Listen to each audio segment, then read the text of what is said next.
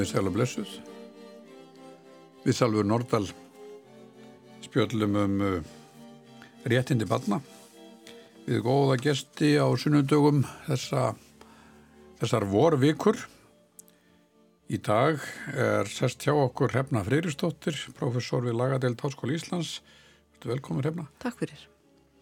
Já, uh, Hrefna var áður lögfræðingur hjá barnavendarstofu og, og lögmaður um skeið.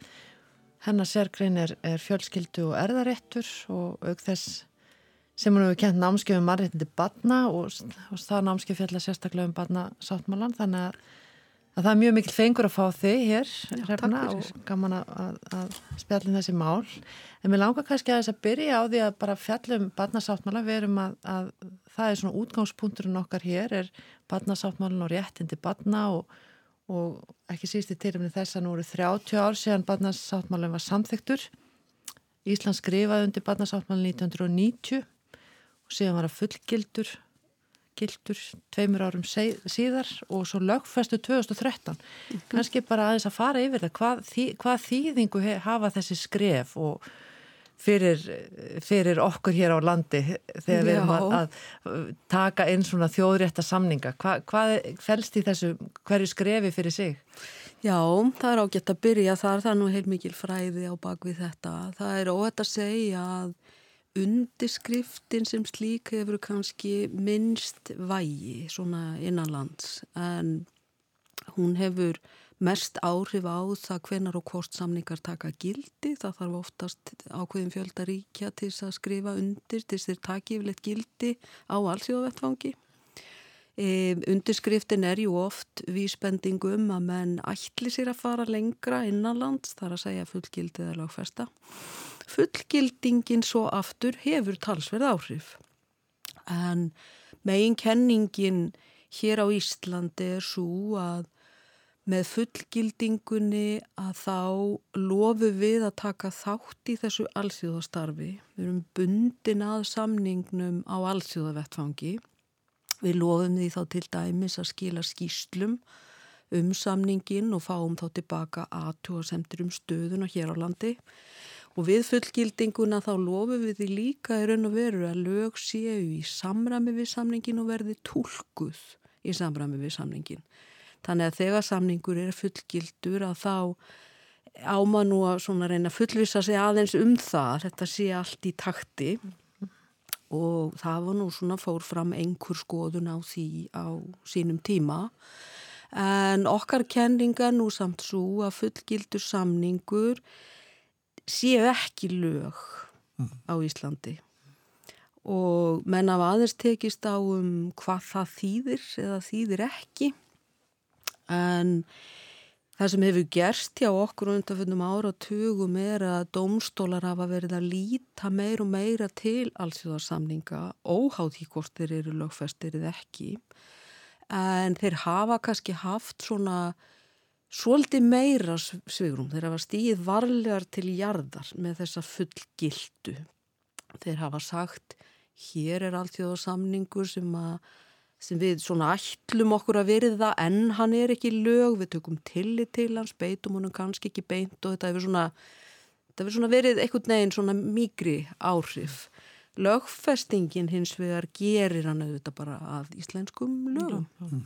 Og þessi skref eða sest, hvað þýðingu löggilding hefur eða, eða, eða uh, lögfesting er mismöndi þá eftir löndum eða hvert ríki hefur kannski svolítið þá sveirum? Já, það má segja sum ríki setja svolítið sama sem er ekki á milli fullgildingar og lögfestingar með því að fullgilda er að norðina lögum og, og svona en, en, en það eru fjölmörgríki sem fylgja svolítið þessum sömu kenningum og við en allstaðar hefur það verið ábyrjandi samt að allþjóðarsamlingar hafa svona smá saman verið að fá alltaf meir og meira vægi. Lögfestingin er, sappist að segja, þetta er þetta er svolítið sérstakt og þetta er mjög áhugavert fyrir, fyrir lögfræðinga veltaði fyrir sig hvaða áhrif hefur lögfesting í raun og veru. Það er mjög auðvelt að sláði í förstu að við lögfestingu sér samningur um norðina í íslenskum lögum og þar að leiðandi að vera hægt að beitónum fyrir dómstólum og margir svona svolítið sigri rósandi við því nú loksins, loksins hefur hann einhvert vægi. Vandin er eins við að sá að hann er ekki skrifaður sem lög. Þannig að hann er, mörg ákvæðans eru miklu óljósari heldur en laga ákvæði eru yfirleitt. Og það eru mjög skipta skoðanir um það að hver miklu leiti hann hendar yfirleitt til að beita honum fyrir dómstólum, alveg óhóð því hvort hann er lögfæstur eða ekki. Mm. Flestir eru sammálum að hann sé eh, leðbeinandi, hann, hann, sé, hann vísi vegin, hann sé leiðar ljós, mm -hmm. jável fyrir dómstóla en sérstaklega í baráttunni fyrir bættum hagbarna. En maður þarf kannski að fara svolítið varlega í að slá fram þessum fullirðingum að með lögfestingunni þá hafa hann mjög skýr og klár áhrif og domstólar dæmi eftir honum. E, það það líka gæta því að með lögfestingunni er málið alls ekki leist í eitt skipti fyrir öll, kannski líka vegna þess að hann er svona svo litið óljós.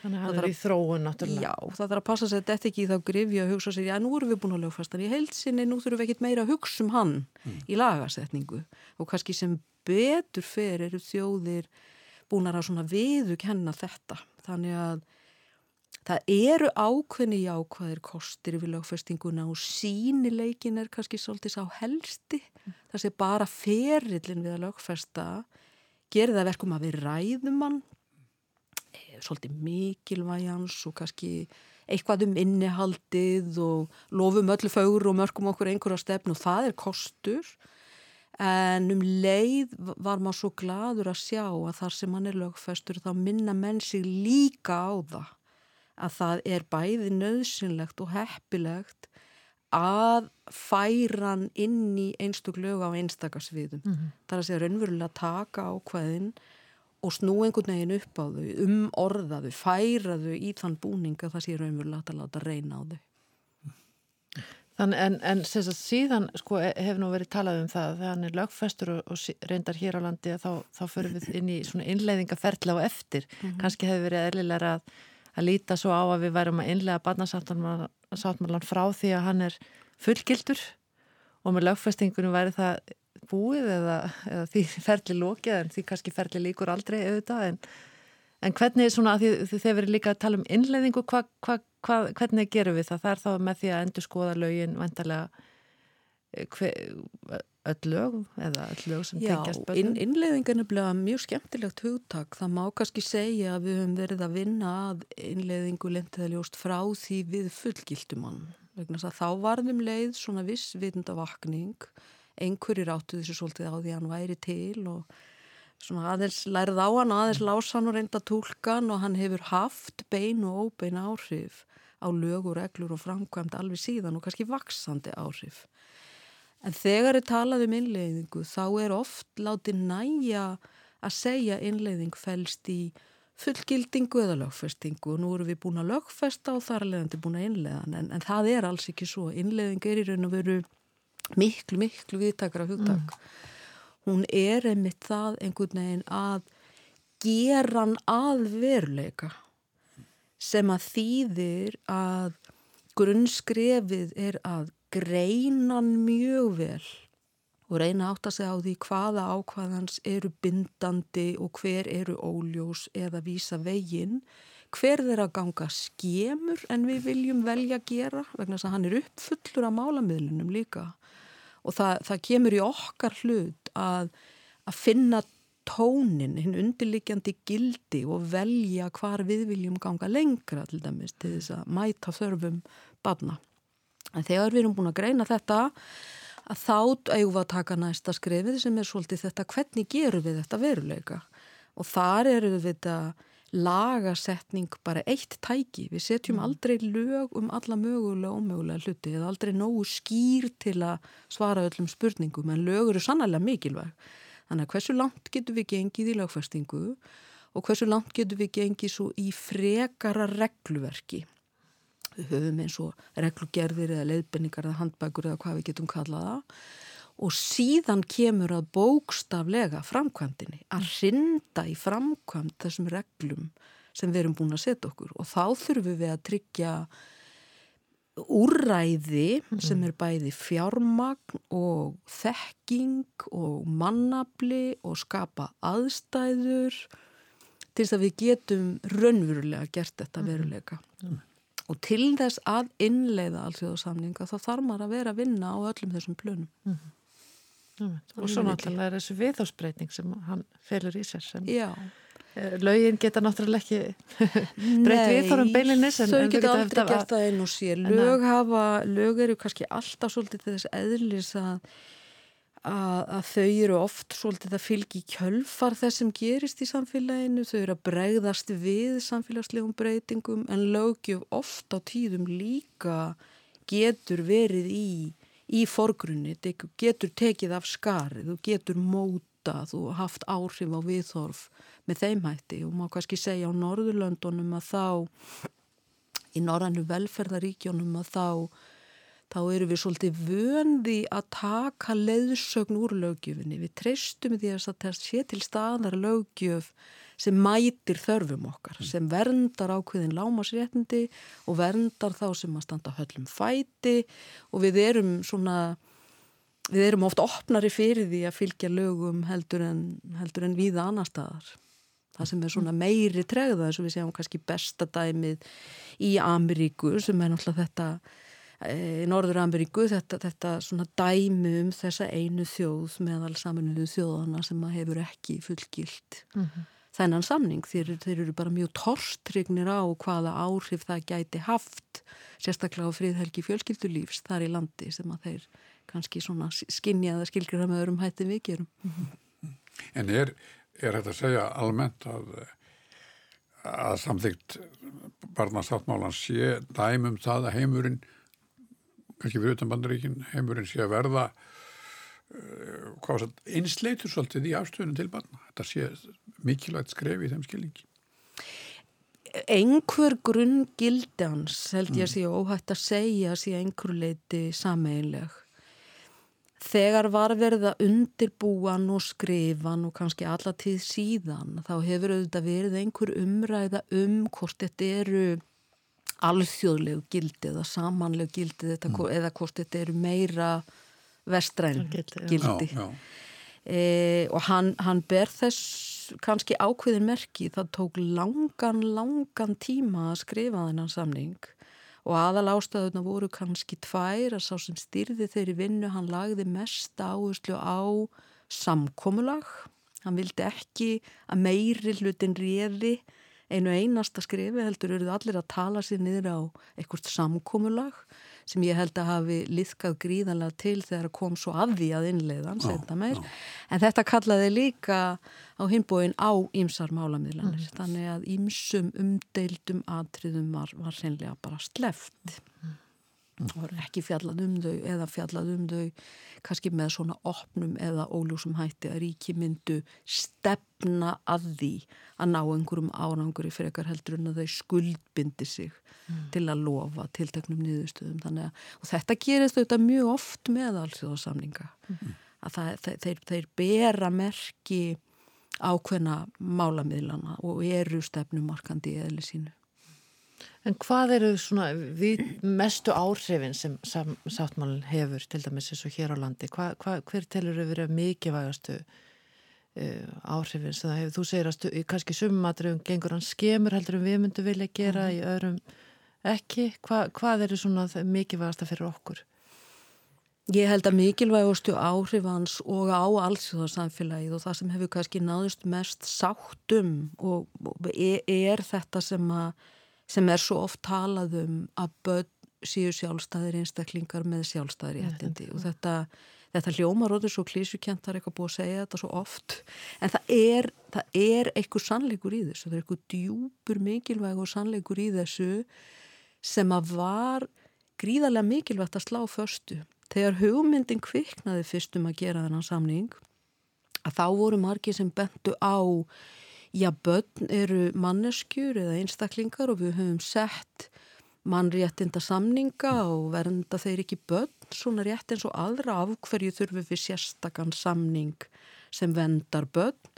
En við það að skrifa nú þegar maður fer að rína í hann að þá sjáum við hvaða fyrirhöfnda hefur verið að, að rýfa sig svolítið úr þessum sporum að sjá bara heiminni gegnum gleru okkur fullorna mm -hmm. og það er tvent sem er svo mikilvægt við hann. Annars vegar er þetta sjónar hotbass að reyna setja sig í spórbass og sjá og skinja og skilja eða upplifa aðstæður frá sjónarhótti ball. Þetta er það erfitt. Mm -hmm en, en það er ekki útilokað. Og í sumum tilvikum verður það svo spennandi verkefni. Stund, stundum finnum marða vel hvaða er öðruvísi að reyna að skilja einhverjar aðstæður frá sjónarhóttni bass.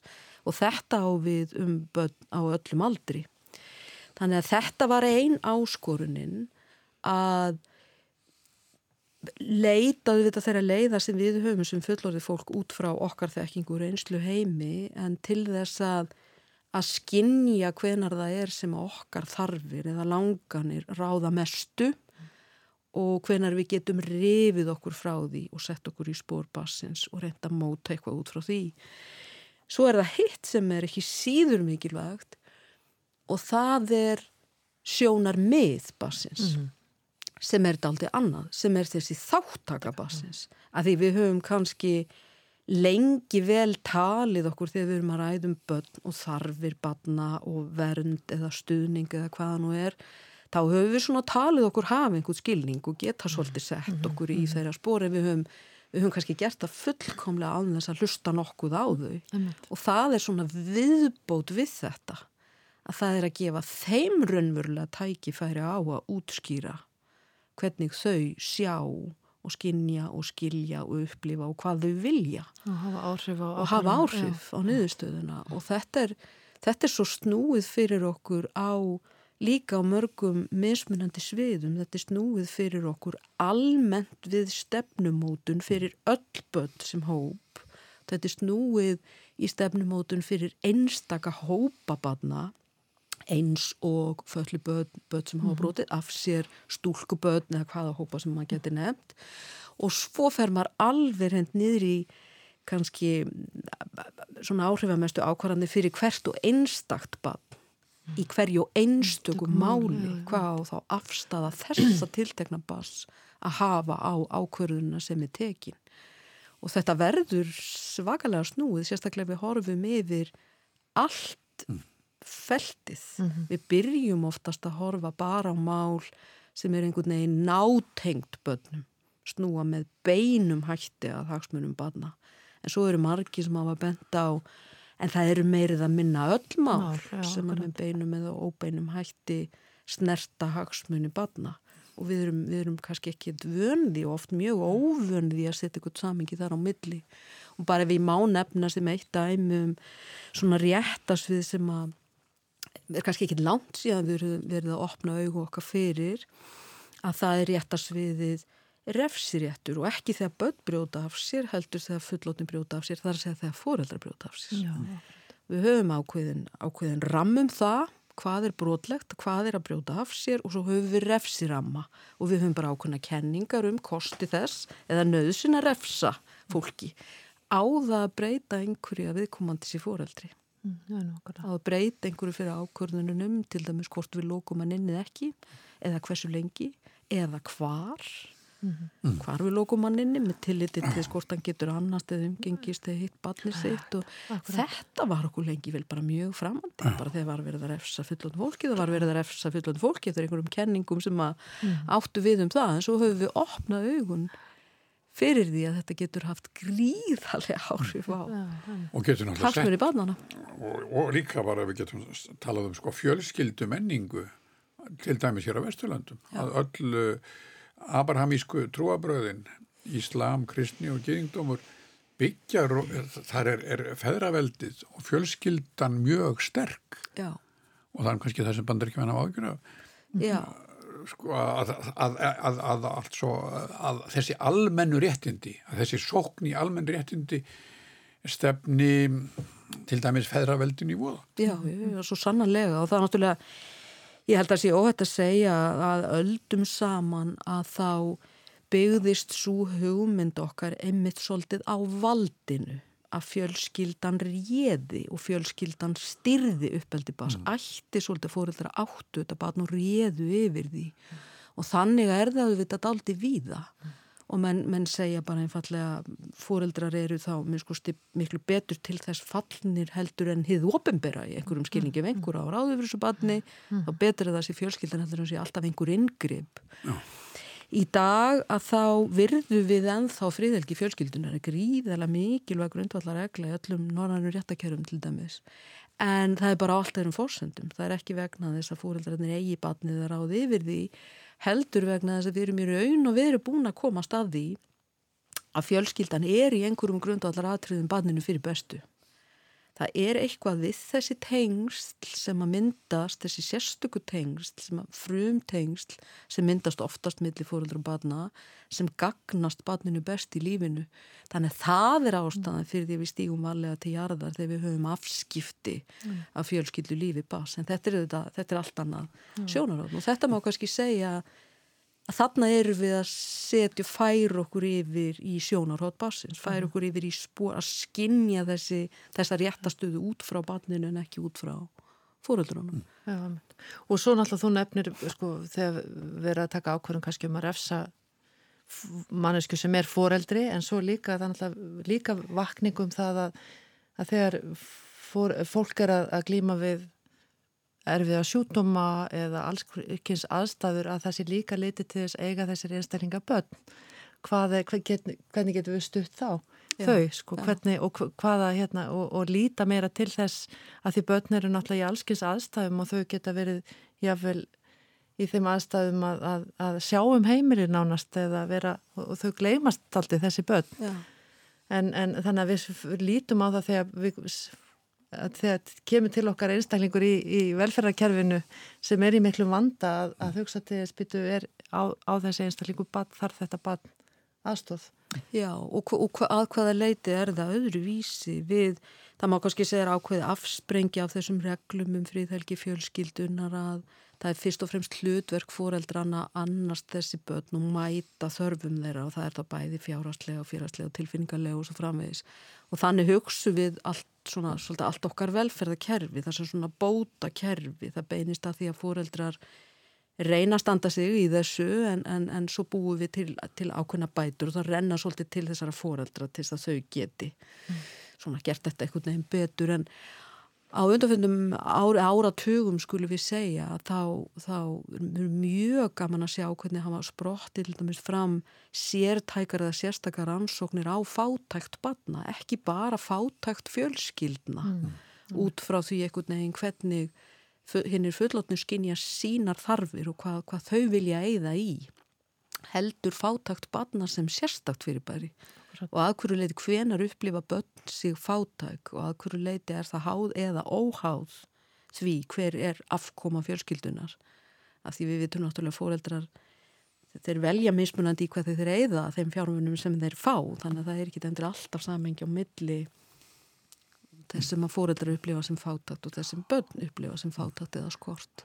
En þannig að svona enn eitt dæmið um hvernig við getum svolítið rifið okkur út úr þessari hefbundnu hugsun og séð hlutina frá öðru sjónarhólni En er ekki hugsunin um, um sjónarhól barsens sérstaklega mikilvæg á, á uh, síðustu og vestu eða bestu tímum þar sem í rauninni fjölskyldan er þar sjá tímum sko, það er aukinn tíni hjónaskilna, það er, það tala um rað í hjónabönd mm. og þannig að oft verða fjölskyldum minnstri bísna flókin.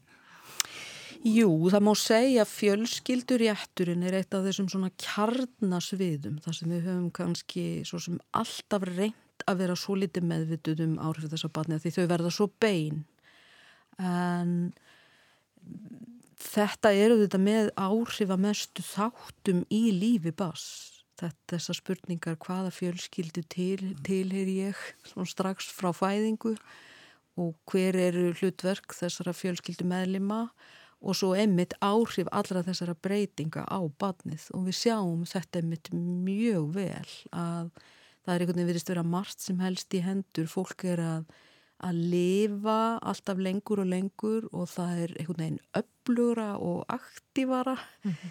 lengur og lengur og æfi skeiðinu og er einmitt alltaf að verða algengar og algengar að það stopni fleirin eina fjölskyldu. Þannig við erum með margar floknar samsettar fjölskyldur og það er óumflíjanlegt að þetta hafi áhrif á þessi börn sem eigi hlut. Og þarna vakna þessar erfiðu spurningar.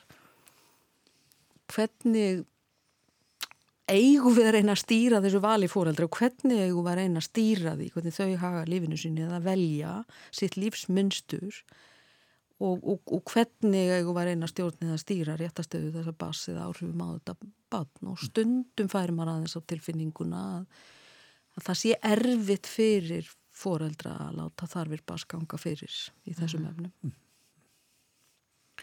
Það eru, og þarna erum við komið líka að því sem sagt bara að badna lögunum sem mhm. eru svona grundvallar lög um, um réttindi badna mm -hmm. og þau hafa auðvitað verið að taka heilmiklum breytingum á, á síðustu eða kannski alveg frá þau voru sett í upphafi e, hafa þau, hvernig hafa þau til dæmis mótast af, af badnasáttmálunum eða þessum nýju sjónamöðum sem badnasáttmálun kemur inn með Já, það er mjög áhugavert að sjá í þessum fjölskyldurétti þá eru barnalögin augljóslega þau sem að hafa þróast og breyst langmest. Það er nú búið að vera svona benda svolítið á það, ég hef oft benda á það að við getum endur skoða hjúskapalögin okkar eða sett lög og mófið að sambú, það er eitthvað fyrir fullundamólkið, mm. það hefur búið lítið breyst.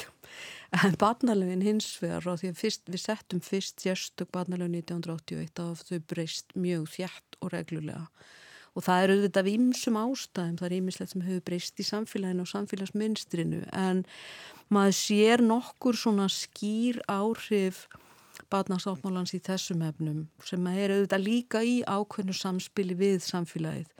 Og þar er kannski svolítið bara eitt leikilega atriðið er þessi vaksandi ábyrð begja foreldra Barnasáttmálinn svo sem gerir enga sérstakka kröfu um að það fyrirkomulag sé með einum eða öðrum hætti. Í barnasáttmálunum eru ekki einhver hugtök eins og margir kannast við sameinleg forsjá, skipt, búseta, jöfn, umgengni, svona hugtökur sem við höfum verið að glíma við mm. og þróa mm -hmm. en barnasáttmálinn samt sem áður leggur áherslu á með almennum hætti rétt bass til að þekkja og njóta begja fóreldra sinna en skilur það svo svolítið eftir opið hversu langt á ganga eða hvernig, hvað er að þekkja og hvað er að, að njóta. En eitt það er eitthvað með þessa undirliggjandi sameilu og ábyrð sem helst náttúrulega líka bara í hendur við þessa miklu þróun sem hefur orðið á hugmyndum okkar um hlutverk kynjana og verkaskipting og þáttöku í atunulífi og þáttöku í fjölskyldulífi. Það er svolítið opnað augun okkar fyrir því að báðir fóreldrar eru jafn hæfir mm. til þess að sinna þessum hlutverkum og barni getur gagnast það vel eftir því sem það á sterkari og betri eh, tengsl mm. þess, þess betur, betur farnast í má segja. Það sem var, var daldi magna gerðist árið 2012 þá lög, voru lögfest ný ákvæði í barnalögunum sem að sprengdu þau svolítið út, þau fyrir kannski farið svolítið lítið fyrir. Þar voru bóstallega lögfestar megin reglur barnasáttmálans. Þannig barnalögin áður gildu um afmörkuð atriði, þar að segja faderni, fórsjá, umgengni, framfæslu en núna var bætt við þessum almennakabla sem gildir á öllum sviðum. Þannig að núna fyrst eru barnalögin einmitt orðin svona réttinda lög sem tryggir bara þetta að hagsmunni eða verið í fyrirrúmi, barnið er rétt á að lifa og þróskast og tjá sig, mm. Að það er lögfest í barnalögunum og, og gildir á, á öllum sviðum. En mm. svo náttúrulega fjallaðu líka um þessa grunn réttastöðu bas. Það er að segja hvað gerist við fæðingu bas, hverjir eru foreldrar mm. og hvert er hlutverk þessara foreldra, hver er hún þessi fórsjá og hvað leiðir af henni og svo hvað er umgegn og svo framvegist. Mm. Þannig að það er ennþá þarna og það eru, jú, bara, það, það eru þessi grundvallar atriði sem að móta svolítið móta svolítið stöðu basins Og það er einmitt kannski sko, það er eitt, eitt af þeim hálum sem vald, veldu kannski börnum miklum vanda eru einmitt þið voruð að tala um forsjá og skilnað og skipta búsetu, öll þessi hugtök sem er búin á sammeili forsjá. Mm. og, og, og það er oft mikið deilt á, á, um, um þessi atriði og, og veldur börnum oft miklum vanda. Og, og það hefur auðvitað verið heilmikið þróuna á þessu sviði Já. eða breytingar og, og jáfnveil breyting, nýjar breytingar í vendum þannig að hvernig svona serðu þessar það, þá þróun fyrir hvernig myndur þú lýsa henni? Já, það má segja að það hefur verið mikil þróun á nánast öllum þessum sviðum sem barnalögin taka til. Það er mjög spennandi til dæmis að velta fyrir sér bara grunnhugdaginu foreldrun eða, eða móðverðn og faðurni lengi vel var þetta náttúrulega tilturlega einfalt mm. við vissum hvaða kona fætti badnið mm. og eða töldum okkur vita það og, og faðurinn þá sá sem laði til sæðið með ákonum hætti en með bara allmis tækni frjókun í öllum sínum ótrúlega fjölbreyttu myndum og, og hvernig er hægt að eiga við e, við frumutnar og skipta út reynlega einhverjum eiginleikum frumana þá, þá, þá með bara tiltölulega skömmum tíma sjáum við að badd getur borið erða efni að vel fjögura mhm. einstaklinga strax við fæðingu og, og það eru orðna svona áleittnar spurningar um hver er foreldri þessa bass í einhverjum skilningi og hvað eigum að leggja áslá er það erðaefnið, er það viljin er það samningur þessa foreldra? Löngunin til þess að annars þetta barn eða alað upp? Hverja vilju við erðnamerkja sem foreldra? Mm -hmm. staðgungumæðurun til dæmis eitt spennandi álitaefni í, í því samhengi Svo þegar við erum búin að svolítið afmarka hverjir eru foreldrar þá kemur við með þetta hlutverk, hver ár þá að gegna hvaða hlutverki og enn í dag eru við voru upptekin að því að foreldrar eru bara tveir og þeir, þeir fara inn í ákveð hlutverk og mm. þetta hlutverk er náttúrulega oft tiltölu einfalt og ágreynslust ef þeir eru saman.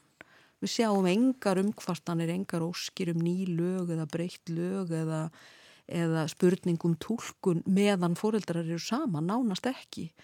Það auðvitað geta vaknað spurningar um að þau séu bara alls ekki bærum annars hlutverk sitt en þá eru einir á batnavendiföld, það er svolítið annað, mm, önnur umræða. En til dæmis þessi, sko, þessi, þessi baráta kynjana eða þróun hlutverka kynjana að hún hefur miðast heilmikið við fóreldra sem eru saman að þeir verði virkari í fóreldra hlutverkinu, skipti með sér verkum, eittaki við af öðrum, þeir njóti bæ, báðir fóreldra orlofs til dæmis og svo framvegis. Og sem ég segi, gott að blessa með þeir eru saman. En svo kemur alltaf þessi stóra spurning hvernig henda þessar reglur svo ef að þau velja að vera ekki saman ef þau hafa aldrei verið saman eða velja að slíta? Og við sáum náttúrulega svolítið bara beinlínis að hversu í raun og veru jákvægt og gott og hversu rætt það gerðist að þau báru sammeila ábyrð með þeim voru saman.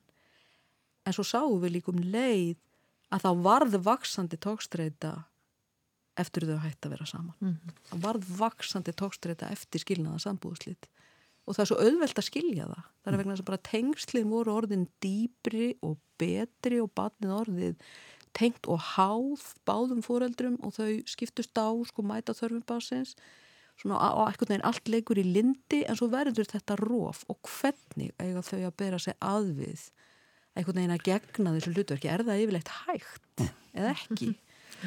Þannig að við fórum á svona tilturlega skömmum tíma frá því að segja bara við skilnaða sambúðaslið þá verður þau bara velja. Þá er bara annað sem getur annars þetta hlutverk og hitt ekki og bara hug, hugmyndum sameila fórsja og fóreldra sem byggja ykkur saman var bara algjörlega framandu og henni var bara hafnað lengi vel. Þau geta gert þetta sameila ef þau eru saman. Mm -hmm. ef þau eru ekki lengt saman þá bara geta þau ekki gert þetta sameila það var fyrsta svarið. Svo sekkund neginn sáum við og fórum að sjá aðra að þreyfa sig áfram og gera ykkur að tilhörnur og sáum að það, þetta gekk sko, þetta, jú þau gáttu það. Mm -hmm. Þannig við fórum smá saman að svona ringa þetta en það var, var svolítið stóst skref þegar við svona opnuðum bara fyrir þessa hugmynd.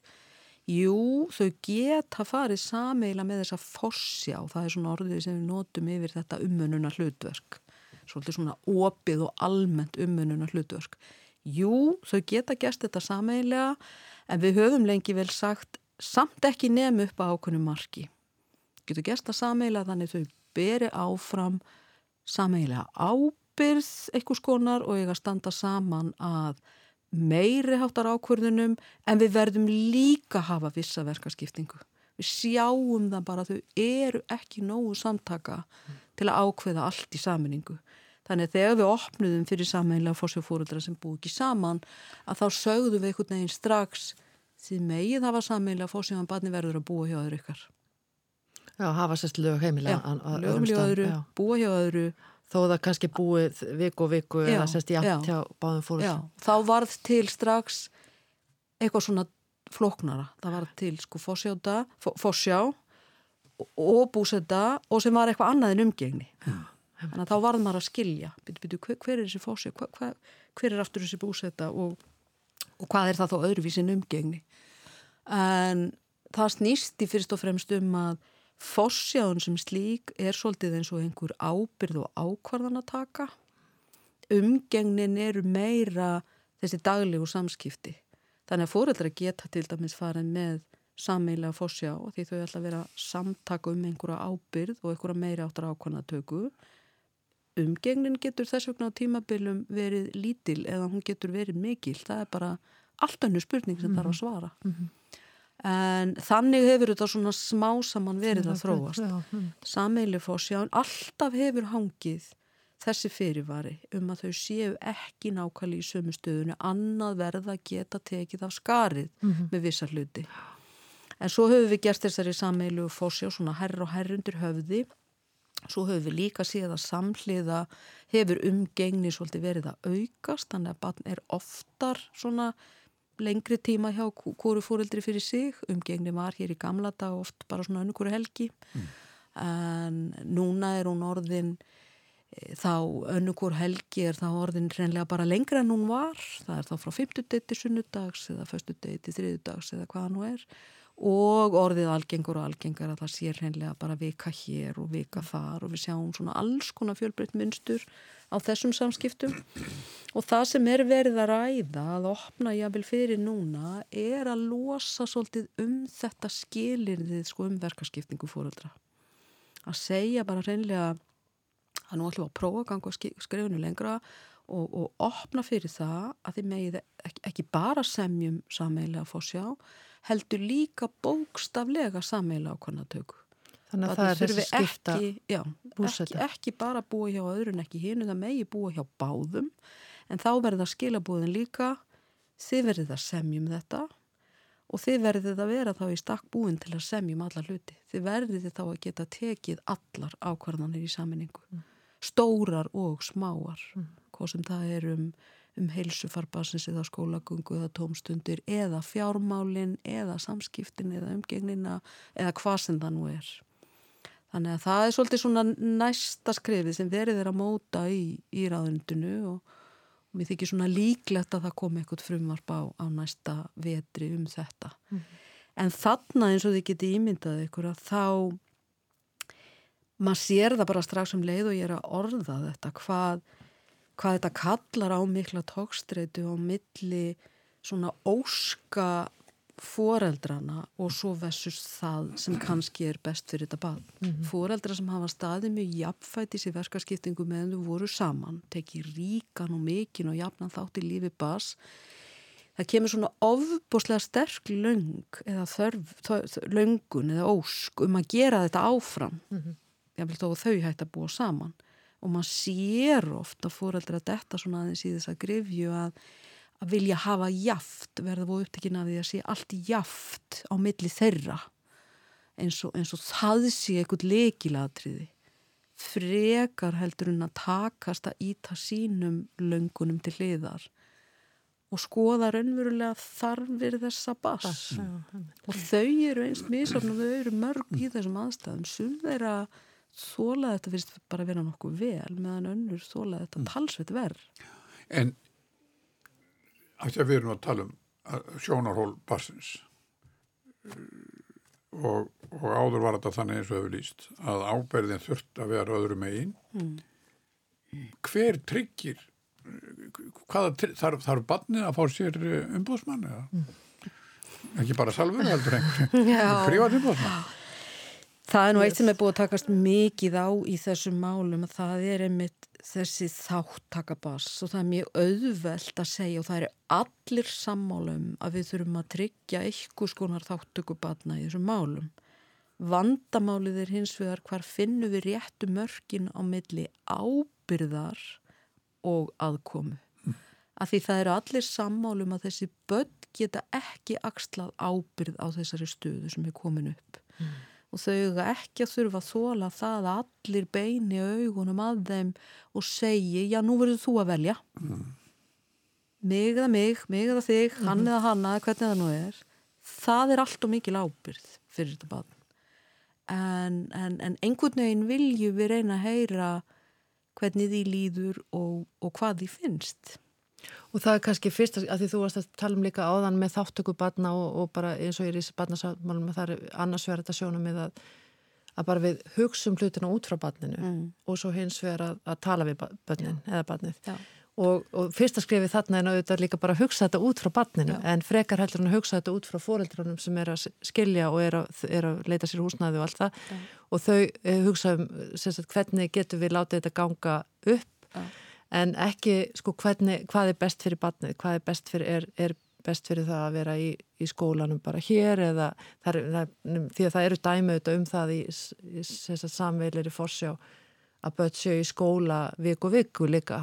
Einum skó, leikskóla eina vikuna og svo öðrum vil hérna, leikskóla þegar það er í hjá hennu fóreldurinn. Já, það hafa komið fram í gegnum tíðina þegar við vorum svona að byrja svolítið að þetta svona svolítið rutti sér sína braut hérna heima, við förum stundur svolítið svona rætt og gassalegin í hlutina þá kom oft fram kröfur um það mm -hmm. bara bara rétt á leikskóla ég vil tömi sötafyrljum, rétt á grunnskóla og, og það er einhvern veginn svona einhvern veginn hendaði fóreldrónum að skipta þessu svona, það var ekki mikil hugsun um það hvað áhrif þetta hefði á, á bann en sem betur fyrir að þá höfum við sapna saman svolítið þekkingu sem, sem sínir það bara í raun og veru svart á kvitu hvað þetta getur verið varasamt fyrir börn á ákonum aldri að vera rifin svona í sífælt burt úr sko þekktum aðstæðum og þurfa aðlagast nýjum, nýjum og nýjum aðstæðum. Bara þekking okkar til dæmis á takmörkuðu minni badna badn man ekki endilega reglur sem gilda á einum stað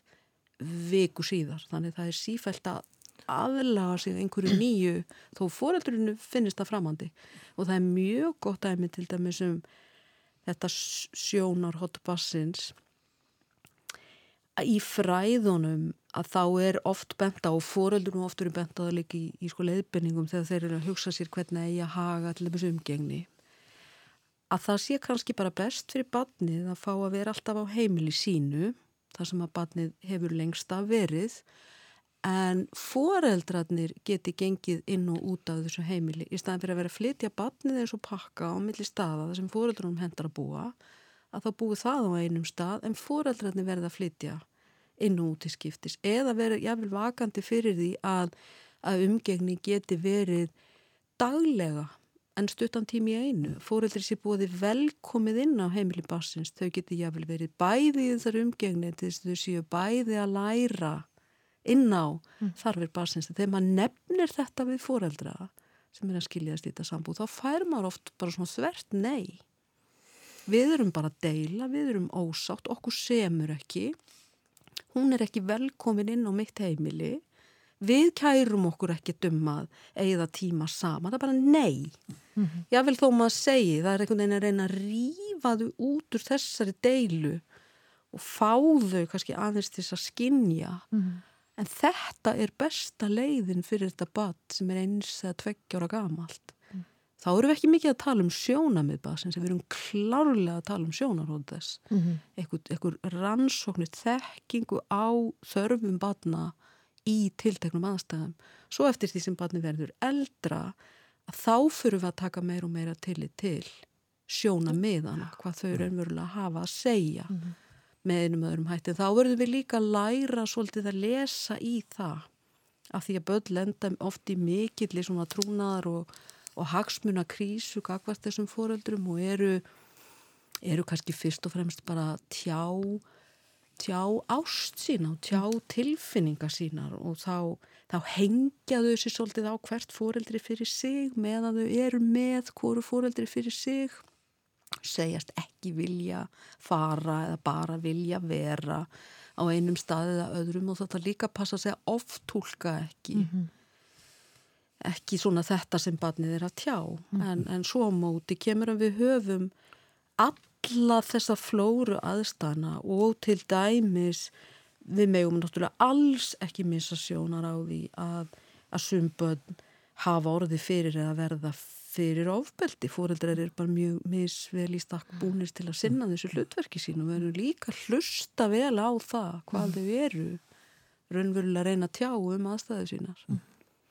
En þarna þegar við erum að tala um skipta búsettu eða, eða sameila fossi og þá við alltaf gengið út frá því að það sé svona þokkalega þokkalega sátt á milli fólks en svo eru auðvitað hópu sem er í mjög miklum deilum Já. um fossi og um umgengni og og þá hefur verið komið upp þetta sátta meðferð eða sátta uh, já, svona kerfi kringu það eða það, það, það, það er deilt við á síslumanni kannski bara lengi og hart.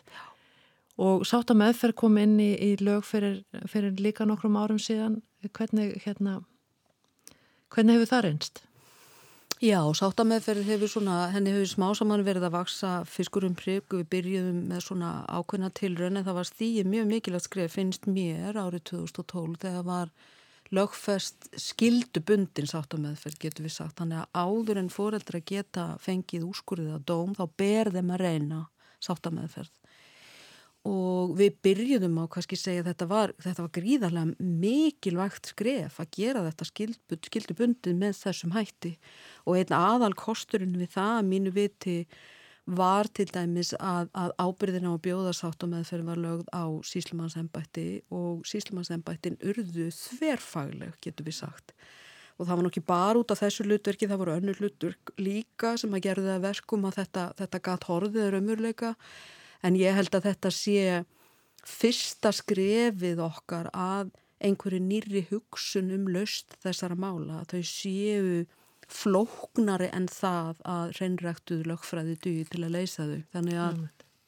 við síslum að sem beti starfa núna sama lögfræðingar, sálfræðingar, félagsákjafar eða jafnvel aðrir og, og, og leggja sitt að mörgum til þess að, að finna einhverja löst e, það sem að það verður bara að segjast eins og er að það sem að,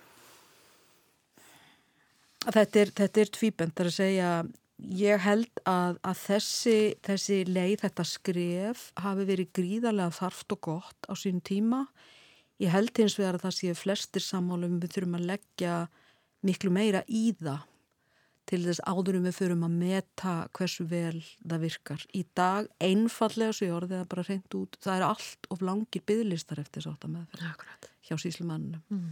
Það er aldrei vanlegt til árangur, svo reynlega vinnur gegn því að ná þessum tilallaða árangri. Mm. Þannig ég held að það sé gríðarlega mikilvægt að vera einum að, að innrétta þetta úræði eins og þarf til þess að við getum raunverulega vegið og metið hvað áhrif það hefur. Ég held að hafi haft í áhrafa, já, já hvað áhrif, enga síður. Ég held að fóreldurum hafi þarna gefist mjög kærkomi tækifæri til þess að setjast niður með einhverjum sem getur svolítið hjálpa þeim á þessari vegferð að vera áfram fóreldrar.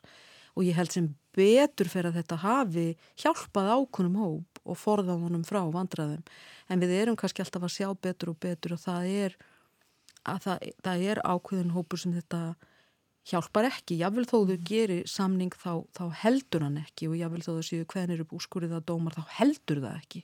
Þannig að fólk einhvern veginn það er eitthvað, eitthvað við bakgrunnin eða aðstæður eða ástæður þessara deilur sem veldur því að hún heldur áfram og málið kemur upp aftur og aftur og aftur. Og þetta verist verið að sína sig allstaðar það sem ég þekki til því miður og, og kannski finnum við aldrei endanlega lausnin á að leysa þessa deilur en, en ég held að hljóta koma að því að, að við þurfum að hugsa þetta enn frekar mm. og kannski enn stærra samhengi hvaða leiður við getum farið til að hjálpa þessu fólki mm. Og það skiptir máli mm.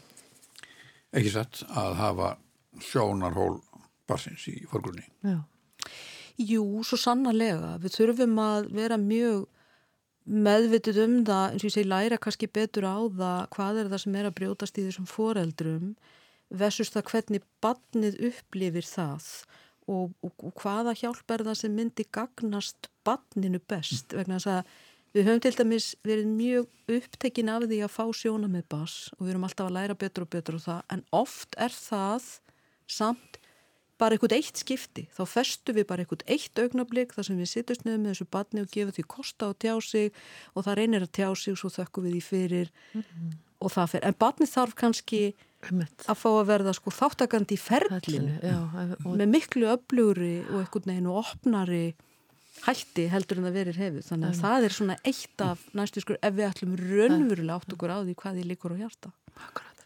Já, það þetta er, er greinilega þetta er ekki auðverðna við að eiga en Hrefna Freyristóttir profesor við Lagadelt Háskóli Íslands bestu þakki fyrir komuna hljóðnumannum hérna hjá okkur Salver Nordal Já, þakka að kellaði fyrir Takk fyrir að vera með ykkur. Takk